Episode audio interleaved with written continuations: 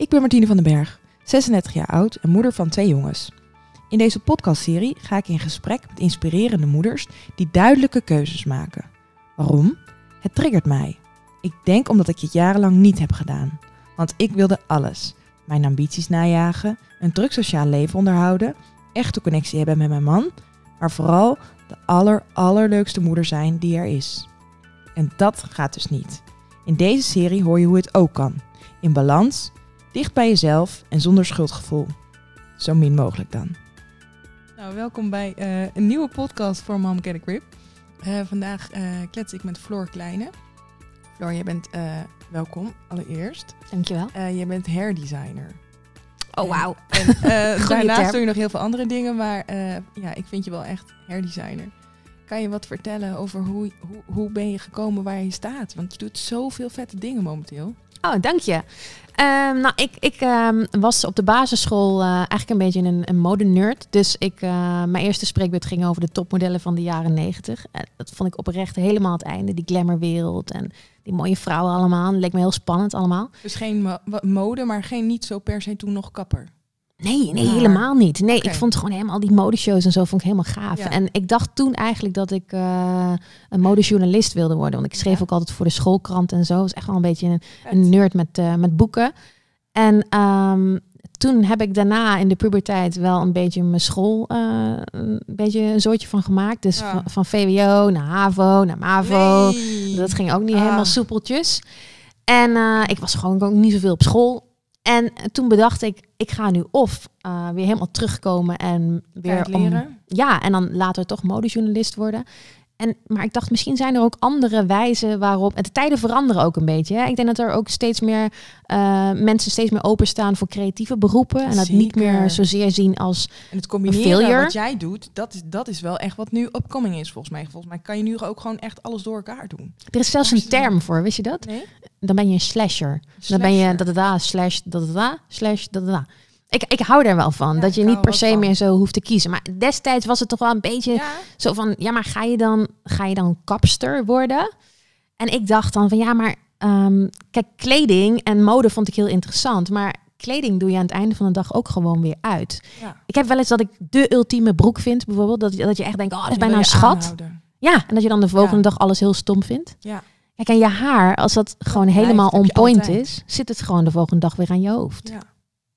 Dus die strategie heb ik een beetje gehanteerd. Ik dacht dat haar, dan kan je veel meer dingen mee doen dan gewoon er één keer in de zes weken een stukje afknippen. Oké, dus je had al best wel duidelijk voor jezelf waar je een soort van naartoe wilde, wat je ieder geval niet wilde. En toen, wat ben je, wat ben je gaan doen? Waar ben je begonnen? Nou, ik ben wel eerst echt uh, gaan werken in een salon, want ik dacht, nou, dat haar knippen, dat... Moet je uh, wel leren. Ja, dat moet je wel leren. Ja. En dat vond ik al best wel snel. Dat zou ik toen nooit toegegeven hebben, want ik was best wel uh, uh, ja, een beetje weer een nerd. Dus ik wilde het heel graag goed doen. Uh, maar ik vond het al best wel snel dat de muren op me afkwamen. Dat, en vooral, je had dan zo'n kappersboek waar de afspraken in stonden. Die was toen nog van papier. En dan zag je eigenlijk al, het was toen, toen nog per half uur. Nou, om, om half negen mevrouw Jans, om, om negen uur mevrouw De Vries. En dan kreeg ik het al Spaans benauwd. Want dan Ja? dacht ik, ik weet Zo nu al hoe mijn hele dag eruit ziet. En toen merkte ik later eigenlijk dat ik toch een beetje misschien meer hou van eh, chaos en Ja. van eh, niet Combineren. helemaal weten waar, waar je aan toe Ja. bent en zo. En eh, inmiddels is freelancen daar natuurlijk het perfecte Ja, antwoord op. Perfect. Oké, dus daar heb je het kappersvak eigenlijk geleerd. Ja. En toen, waar, en welke stappen heb, heb je vervolgens genomen? Nou, het begon in een salon in Arnhem. En eh, die baas had eigenlijk al wel door van... ik heb hier met een gekkie eh, te maken. Die Ja. wil gewoon eh, Goeie, van alles. Ja. En die zei toen... ik kan jou heel snel goed maken. Maar dan moet je elke dinsdag tien modellen meenemen. En dan ging ik naar de plaatselijke McDonald's. En dan zei ik, wie wil er gratis geknipt worden? En neem ook je oma en je tante mee. En dan had ik dus altijd heel veel modellen. En die ging ik dan gewoon gratis doen. Maar Sommige doe ik nog steeds. Uit die tijd, ja. Hilarisch. Ja, maar hij zei gewoon... is heel veel. Ja, maar laat maar zien dat je het wil. Want hij zei, anders ga ik investeren in iemand die gewoon bla bla is. Dus ik snapte dat wel. Ehm, en, en dit En was je een bent hele... getriggerd. Dat is natuurlijk wel heel leuk ook, die manier waarop Ja. je dat doet. Ja, ik dacht, Ja, zo kunnen we elkaar een beetje helpen. Ja. Nou, toen op een gegeven moment zag ik eh, Andy Uffels. Dat is een, eh een Amersfoortse haarstylist. En die had op dat moment eh, had die, eh, een bedrijf bedacht. Dat heette Salon B.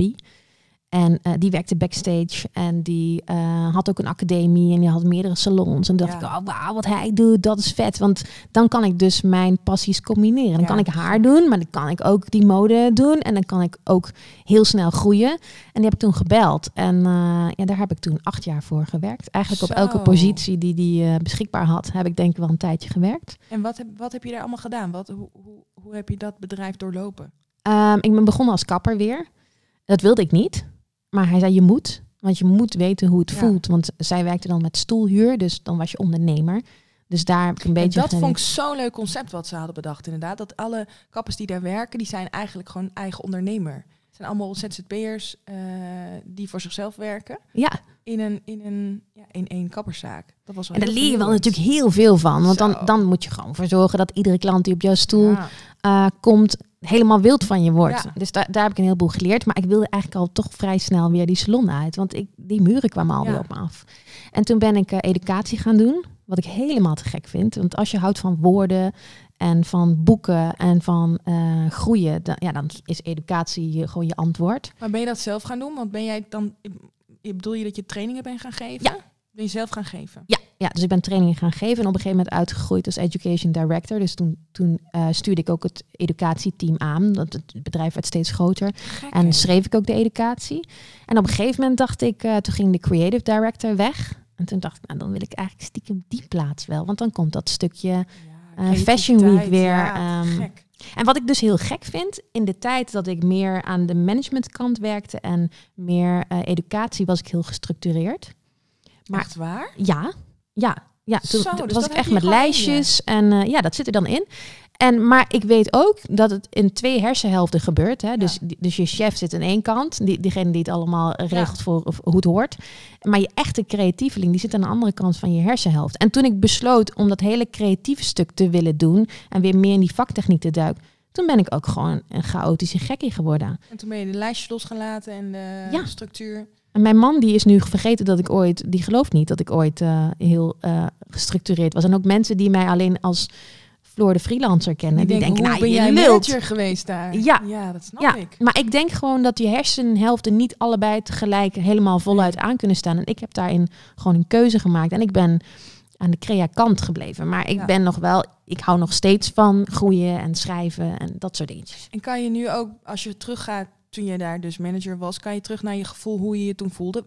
Welke, welke Floor was blijer? Of, of maakt dat, is dat... Maar ik denk als je mensen uit die tijd vraagt welke Floor is leuker, dat ze heel hard gaan zeggen dat deze leuker is. Ja?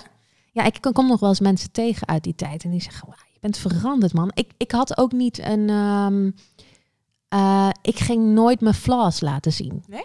Nee, nee ik, dat, ik dacht dat dat niet bij die functie hoorde. Ja, ik was natuurlijk best heel hard gegaan en ik was dan vrij jong ten opzichte van mensen die ik aanstuurde. En ik dacht, als je dat doet, dan word je niet serieus genomen. Terwijl ik nu weet, uh, ik gooi altijd alles meteen open. Het is alles waar ik, waar, waar ik moeite mee heb, waar ik uh, onzeker over ben.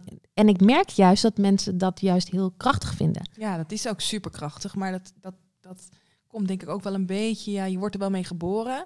Maar ik geloof ook wel dat je het een beetje kan verstoppen. En dat je het pas uit durft te gooien als je echt op je plek bent en je heel zeker voelt.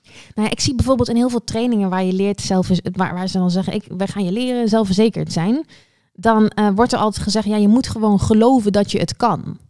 En ik vind dat zo'n rare manier om mensen te leren zelfverzekerd te zijn. Want um, dan kun je ook heel hard op je bek gaan als het een keer niet goed gaat. Ja. Terwijl ik, ik haal meer zelfverzekerdheid uit het besef dat eigenlijk alle mensen gewoon een soort van gekkies. En eigenlijk zijn we gewoon allemaal idioten. En we proberen allemaal maar wat. Ja. Maar nobody's perfect. Dus het kan zijn dat het vijf keer heel goed gaat en dat het de zes keer heel kut gaat. Maar ben jij dan meteen daardoor minder waard? Nee, dit is gewoon, uh, you made a wrong decision. Dus mij helpt het eerder om te denken, we zijn allemaal idiots. En als het goed gaat, dan is het ook een beetje geluk. En misschien heb je er gewoon heel hard uh, doorzettingsvermogen ja, voor maar toch, ik geloof wel dat je soms een succesje nodig hebt. Of soms, ik geloof heel erg dat je een succesje nodig hebt, al is het mini, om zelfverzekerder te worden en denken, hé, hey, dit kan ik, dit, dit gaat goed. Misschien kan ik nog wat meer, of misschien kan ik uh, het vaker, of whatever. Ik, dat geloof ik wel heel erg, dat je daar wel echt uh, sterker van wordt. Ja, maar misschien moet je dan ook juist vooral dingen doen die van nature dichtbij je ja. uh, liggen. En dat is voor de ene natuurlijk makkelijker om te vinden dan voor de ander. Maar uh, dat, dat helpt al heel erg. Want dan heb je er gewoon ook heel veel plezier in. En dan gaat het meer vanzelf of zo. Is het niet zo'n battle. Hey, en toen jij bij Salon B uiteindelijk weg bent gegaan, was je toen al moeder of was je toen al zwaar? Of hoe is dat gegaan? Welke leeftijdsperiode zitten we dan? Ja, toen had ik ze allebei heel klein. Oh, volgens mij. Nee, zeg ik dat nou goed? Ja, toen had ik ze allebei klein. Zo, dus je hebt daar ook gewoon nog even twee kinderen gekregen? Ja, ja. En ik weet nog toen ik besloot, ik ga dan freelancen. Toen was mijn man huisman. Ik had uh, alleen maar een, een loondienst, uh, vast contract situatie. En twee soort van semi-baby's, dreumes, oh. wezens. Ik weet nog dat ik dat helemaal niet durfde. Want mijn ouders die hebben mij niet opgevoed met ondernemerschap. Nee? Nee, als ik me nu mijn moeder bel. Ja, ik moet vanavond nog naar Parijs. Dan zegt ze, oh wat erg. en dat soort dingen. En wat ga je dan eten? Zegt ze dan, weet je wel. dus zij houden meer van veiligheid en, en dingen hoe het hoort. Dus ja, ik heb freelancers die kende ik helemaal niet in het dorp. Die waren er ook helemaal niet. Dus ik heb heel veel nare nachtmerries gehad over wonen in een, in een, in een kartonnen doos. Want ik bedoel, bij veiligheid, die was er gewoon niet. Maar je had wel heel veel vrijheid daar, daardoor. Ja, er was, er was angstaanjagend veel vrijheid in het begin natuurlijk. Want je moet gewoon helemaal bij het begin beginnen. Ja, dat is natuurlijk de angstaanjagend veel. Aan de andere kant, als je man huisman is en je bent freelancer en je, uh, hij kan grotendeels voor de kinderen zorgen, kan je, geeft het je natuurlijk alle ruimte om gewoon keihard te gaan knallen. Ja, ik kon wel gewoon alle tijd investeren die, uh, die, die ik had. En toen, want je, ben je, je bent weggegaan bij Slom B. En toen, wat was je plan? Nou, het scheelt wel dat ik al wel eens... Um, ik was wel een beetje zichtbaar al. Dus uh, ik deed alle pers-events voor hun. En um, ik gaf ook wel eens trainingen waarbij ik ingehuurd werd door andere oh. bedrijven voor hun, zeg maar. Dus um, er waren al wel meteen wat kapers op de kust. Die zeiden, we willen graag met jou samenwerken. Er was ook een agentschap, dus wat meer uh, voor de magazines, zeg maar. En die zeiden, nou, we willen jou wel vertegenwoordigen. Dus ik wist wel dat er animo was om met mij te werken. Maar wat dat dan op zou leveren, daar had ik geen idee van. Maar ja, ik wist gewoon, ik moet ergens beginnen. Ja, wat spannend. Ja, ik ging helemaal stuk. Ja, je bent ondernemend of je bent het niet. En ik heb dat gewoon nooit meegekregen. Dus ik oh, zag alleen maar. wel echt in. Nou, ik, begin het nu een beetje leuker te vinden. Want op een gegeven moment heb je een rondje een keer gedraaid. En dan weet je gewoon wat je goed kan. Of wat je voor een bedrijf kan betekenen. Dat weet ik nu. Dus dan kan ik nog steeds niet gesprekken over de financiën hebben hoor. Daar, daar heb ik iemand voor. Dat, dat, dat, ik had net nog een telefoongesprek. En dan zei ik: Oké, kijk, kijk, kijk, kijk, stop. Dat moet je met iemand anders doen. Ik wil best vertellen wat ik voor jullie kan betekenen, wat dat kost. Het, ja. I have no clue. Maar ik weet het ook echt niet. Nee, maar dat is ook goed dat je dat doet, want dat moet je dan dus ook, uh, als je daar heel, als dat je energie leegzuigt, moet je dat ook parkeren en lekker aan iemand anders geven. Ja, maar het wordt ook gewoon heel stom ervan. Ja. En het wordt ook niet. Nee, zeker niet. Nee, mijn man wordt het ook weer niet blij, want die ziet dan uiteindelijk wat ik voor een job krijg als ik het zelf regel. En dan zegt hij, ja, dat is gewoon dat, is gewoon een, vriends, een vriendschapsding. Uh, Terwijl, kijk, een manager kan er gewoon voor zorgen dat het een win-win situatie is. Ja, dat is waar. Hey, maar hoe ziet een gemiddelde werkdag voor jou er nu uit? Weet je wat een leuk antwoord is, maar echt heel waar? Ik heb geen gemiddelde. Nou, noem, doe, schets eentje die je het allerleukst vindt. Nou, ik, zal ik anders vertellen waar ik van de week in mijn broek voor deed van angst? Ja.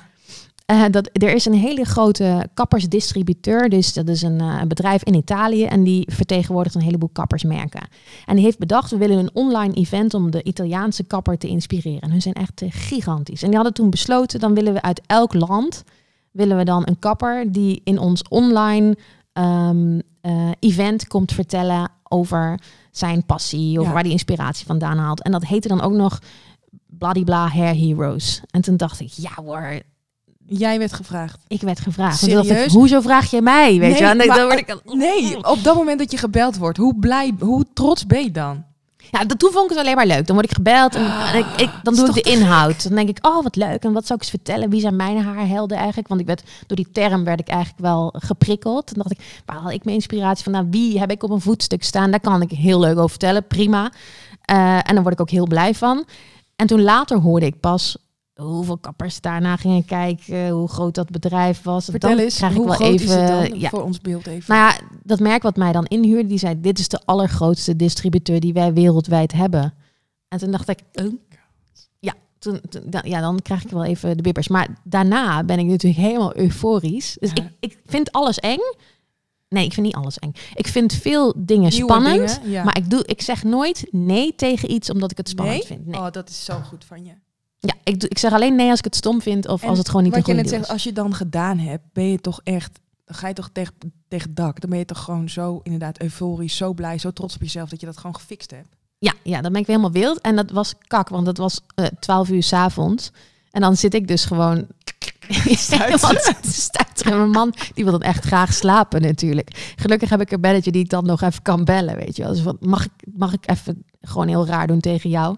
Dus als ja, doe maar even raar. En dan, kan ik daarna gewoon naast mijn man gaan liggen. Ja. hey, en uh, we hadden het net al even over jouw kinderen. Ja. Um, jij bent ja, momenteel echt enorm succesvol. Je gaat alle kanten op. En hoe hou je er in godsnaam stabiliteit thuis? Want je man is natuurlijk heel flexibel, maar die heeft inderdaad ook wel uh, zijn werk en zijn hobby's. Hoe ga je daarmee om? Hoe zorg je dat je, dat je de leukste moeder bent voor jezelf en, en de leukste ondernemer?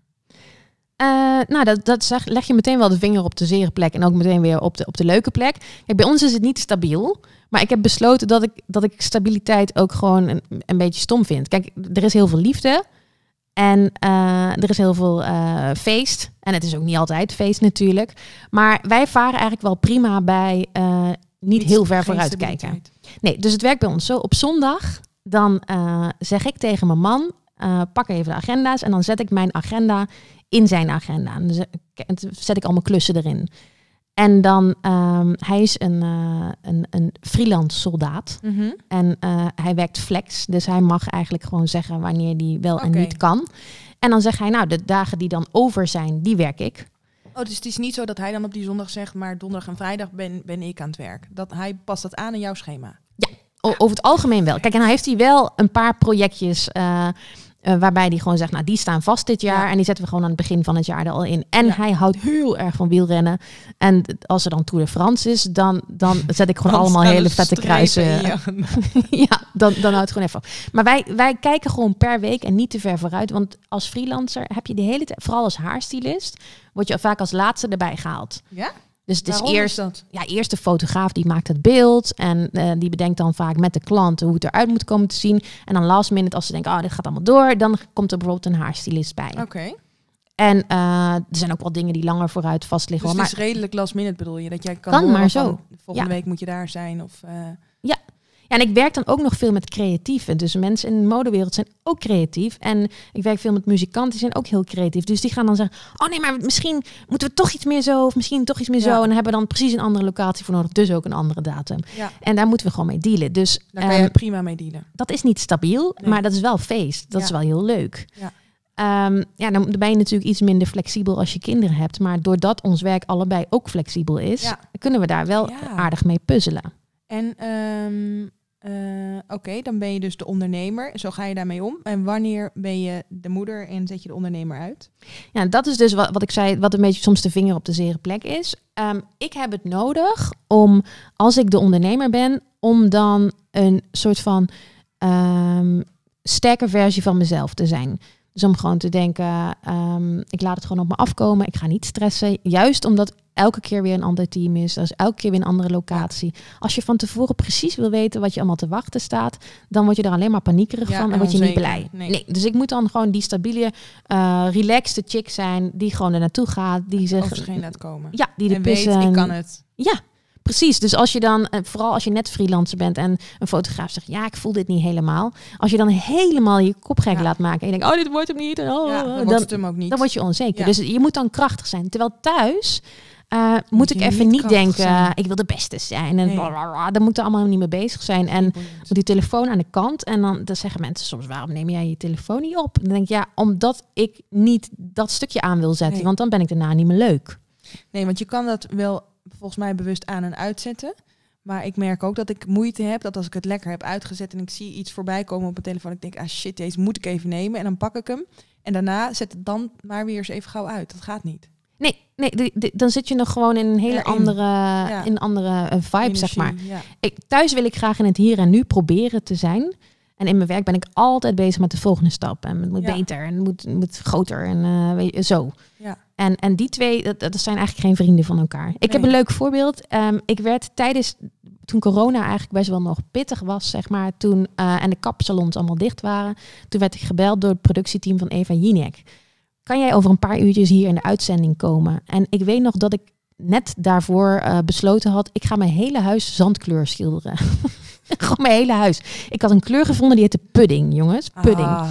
En ik dacht, wat een gaaf kleur. Zo, zo lelijk dat hij weer leuk is. En ik was in de gang begonnen en ik dacht, alles gaat deze kleur. is natuurlijk niet gebeurd hoor, maar daar zat ik middenin. En ik was dat aan het schilderen en ik had een knot boven op mijn hoofd. Ik had al weken geen make-up uh, opgehad. En ik was helemaal lekker alles uit alle handen aan het koken met de kinderen samen. En we waren gewoon een teampje.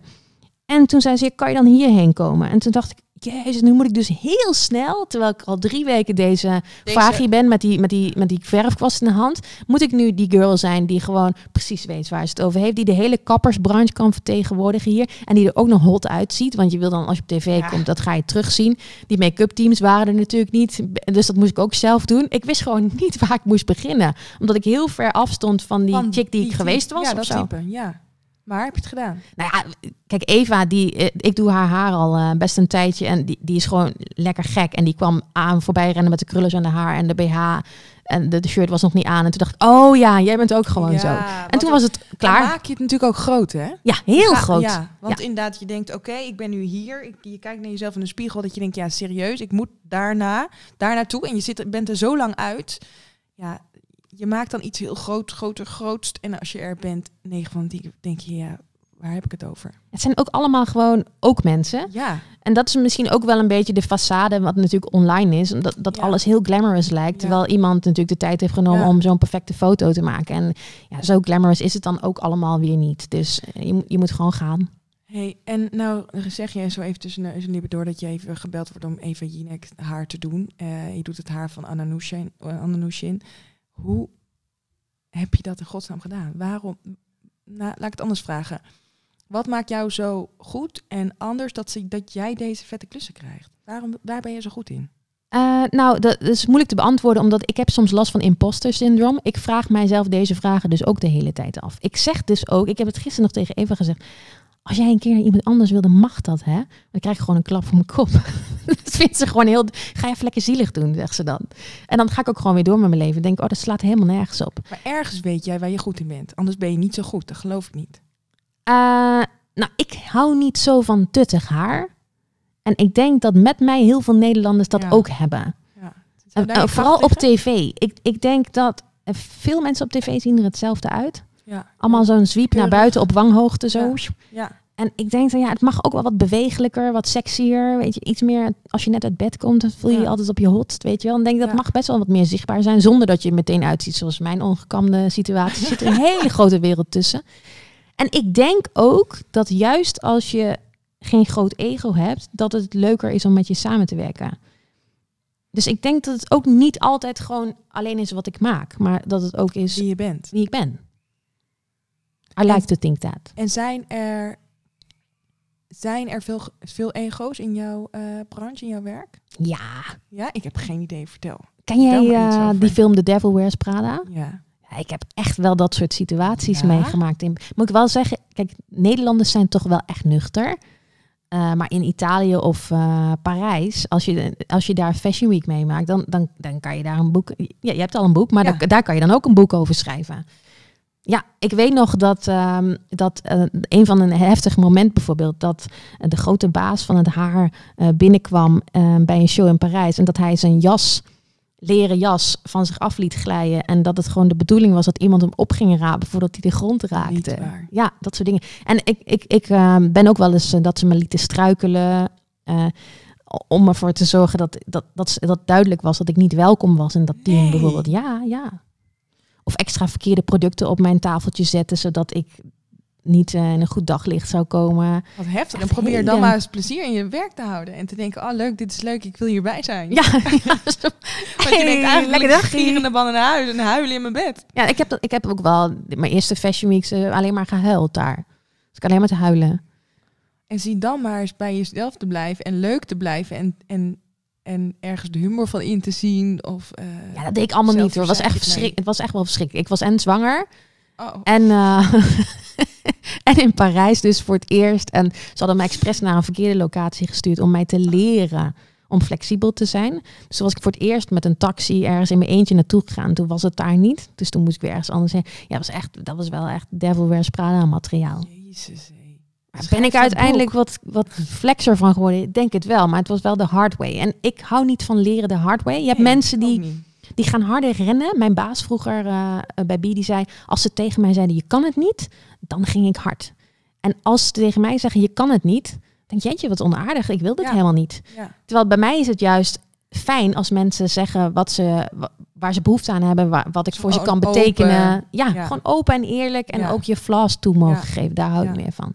Misschien meer de, de, vrouwelijke manier. Ja, iets zachter. En ik denk ook wel dat we daar veel meer naartoe gaan hoor. Dat het, dat het ook wel een beetje geweest is van heel hard rennen en die hele hiërarchie. Volgens mij wordt dat allemaal ook wel langzaamaan wat minder. Ik vind het heel stom. Ja, ik vind het heel stom. Ik, heb, ik heb er ook wel iets. Ik ben een paar seizoenen ben ik zelf chef geweest bij uh, Amsterdam Fashion Week. Dus dan was ik degene die het haar bepaalde aan een team samen mocht stellen.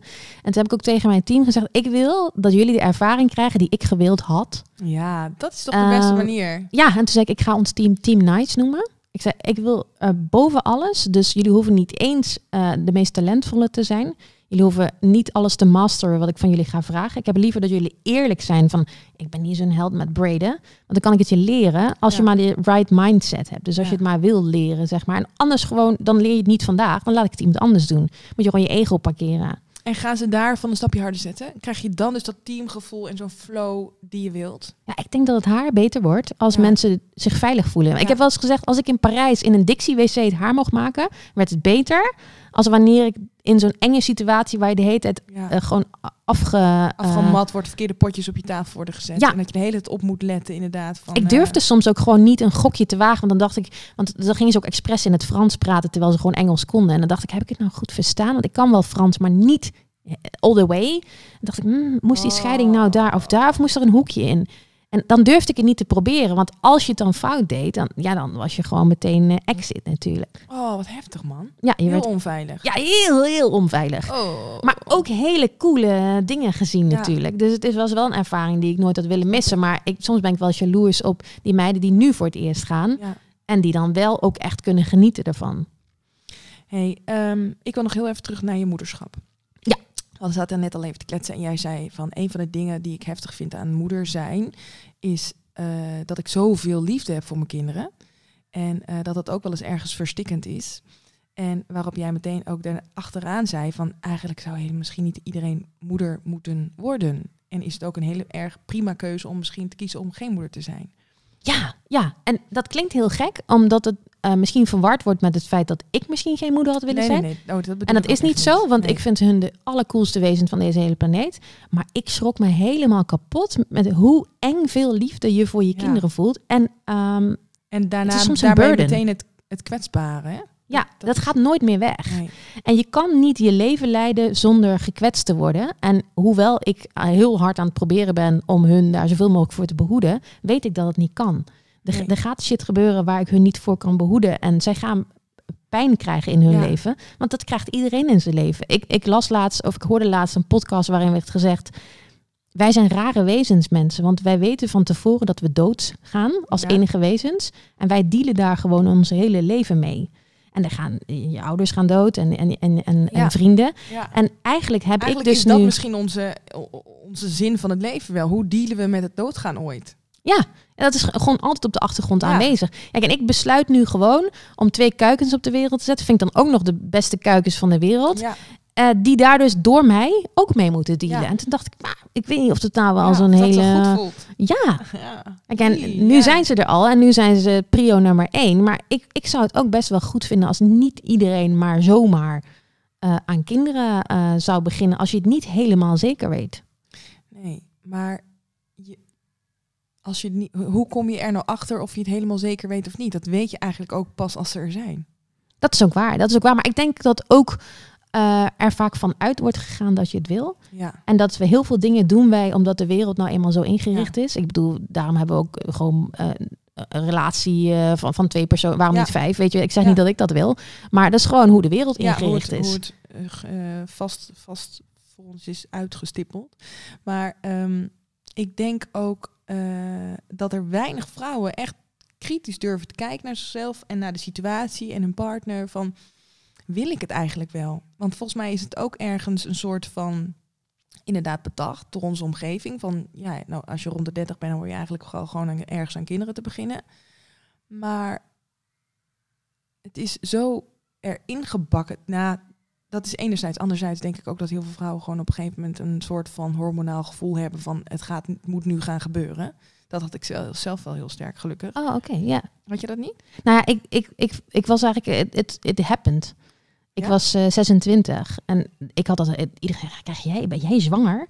En dat was ik zelf eigenlijk ook. We altijd alleen maar aan het werk en ik als ik een kind zag lopen, ging ik ook nooit kijken. Ik was het meer van de puppies en de, en de veulens. En waarom? Uh, maar was het wel uitge Mm, nee, niet echt. Ook niet per se niet gepland. We dachten gewoon, oh ja, en mijn man zei, ik wil dat per se. En ik was best wel volgzaam. Niet alleen naar mijn baas, maar ook naar mijn man. En ik dacht, oh, nou, ja, nou, ik denk ik ook wel. Met jou zou ik dat wel uh, willen, denk ik ooit of zo. En toen gebeurde het al. Dus ik heb dat gevoel nooit gehad. Dus ik, vind, ik heb ook heel veel respect voor vrouwen die dat gevoel hebben. En dan, kijk, dan moet je er ook gewoon lekker van, van genieten. Maar dan denk ik, kijk, er zijn ook vrouwen die dan denken dat het hoort misschien. Of denken, ik ben nu 30 en straks ben ik 40 en dan kan het niet meer. En dat, is ook wel angstig. Ja, het is heel vaak uit angst, dat denk ik ook. Of heel vaak, die, dat gebeurt, denk ik, dat het uit angst is. Terwijl het alternatief best wel vet is. Kijk, ik heb bijvoorbeeld een vriendin die heeft geen kinderen. Misschien gaat ze dat nog wel doen hoor. Maar die gaat dan, uh, wow, ik had vandaag een uh, bindweefselmassage. En dan morgen heeft ze haar wenkbrauwen uh, in een bepaalde hoek laten, laten maken. Of zo. En het zag er zo mooi uit. En zei ze, moet je ook doen. Maar ik weet gewoon, ik ga dat nooit doen. Nee. Ik ga of mijn tijd aan mijn werk besteden. De rest is voor mijn kinderen. En als mijn man geluk heeft, dan heb ik nog ergens een half uurtje over. maar ik ga niet een bindweefselmassage doen. Tenzij iemand het me nu aanbiedt en ik heb toevallig tijd. Maar ik ga daar niet een afspraak voor maken. En als iemand nu zegt, ja, je, je, kan, je mag morgen naar, uh, weet ik veel, Verwegistan komen. Want dan heb ik een leuk projectje voor je. Ja, dat kan niet. Ja, en daar, gaat het, daar is het verschil. Je gaat zo anders met je tijd om. En je prioriteiten liggen compleet ergens anders. Ja, het is dat is oké, maar het is echt kiezen. Want je kan niet inderdaad en een bindweefselmassage en weet ik hoe vaak lekker sporten en uh, overal borrelen. Dat, dat, die tijd is er niet meer. En dat is ook niet erg, maar het is ook niet erg om het niet te doen, denk ik. Nee. Ja, ik, ik, en toevallig ken ik dus een aantal vrouwen die bewust kinderloos zijn. Die zijn dus leuk, zeg Hele leuke vrouwen ook. En die kunnen dat ook heel goed uh, vertellen. En toen, toen ben ik daar ook wel eens een beetje over na gaan denken. Van, dan leef je dus zonder dat gevoel van deze twee, of hoeveel je er dan ook hebt, wezentjes. Kijk, ik ben nu niet bij ze, maar ik wil wel altijd weten dat het goed met ze gaat. En dat zal altijd zo blijven. Dus je leeft je leven wel op een andere manier. Ja. Mijn gedachten zijn niet alleen van mij, die zijn vooral van hun. Ja, dat klopt. Dat is, ja, dat is mooi, hè? Ik, mijn zoontje gaat nu net naar de basisschool. Die vindt het nog heel spannend als ik hem ochtends breng. En uh, dan doe ik vaak doe ik één, stiekem één lekker dingetje in zijn broodtrommel. Dat mag eigenlijk niet. Dus dan doe ik één dingetje erin. heel terug. Ja, ja heel, heel stoer. Onder de druif. Zo, ja, het is heel terug. En dan uh, zeg ik, uh, als je dat lekkere dingetje hebt gevonden, dan als je dat opeet, moet je bedenken hoeveel ik van je hou. Hè? En dan moet je heel sterk zijn. En dan, oh ja, is goed, is goed. Ik, ja, oh, weet je, inderdaad, oh, je bent altijd met, met ze bezig. Al zit je hier, ben je gewoon aan het werk hoor. Maar is, je gedachten zijn altijd daar. Je, bent, je zorgt altijd dat je je telefoon in de buurt hebt voor als er wat is. Of uh, ja, het is, uh, het is wel echt een hele andere manier van, uh, van leven. Ja, which is good. Maar ik, ja, ik, ik zou het wel verfrissend vinden als daar gewoon ja. is wat opener over ja. gedacht zou worden. Ja, misschien een leuk nieuwe podcast. Succes. Dat is wel jouw straatje, toch? Ja. hey Floor, ik wil je heel erg bedanken voor je tijd en je openheid en het leuke gesprek. Ja, graag en, gedaan. Uh, we gaan je zeker volgen. Ga je nog leuke nieuwe dingen doen? Kan je nog iets, uh, heb je nog iets uh, leuks wat je wilt delen? Of, ik ben iets aan het ontwerpen. Ah. En ik kan het nog niet zeggen, want het is nog helemaal niet rond. Fashion. Zeker. Nee, nee, nee. Het, is, het, is wel, het heeft wel iets met haar te maken ja? natuurlijk. Ik ben wel de haargekkie. Ja, dus het was het. Ja, ga je geen het. verder tips van de sluier Nee, het is nog niet rond. Ik ga, hierna ga ik meteen door met ze te kletsen. Ah, cool. Ja. Nou, ik uh, ga het delen. Ik, hou je, ik uh, ga je um, volgen en uh, nou ja, we houden contact. Dankjewel. Leuk. Super thanks dat ik er mag zijn. Doei.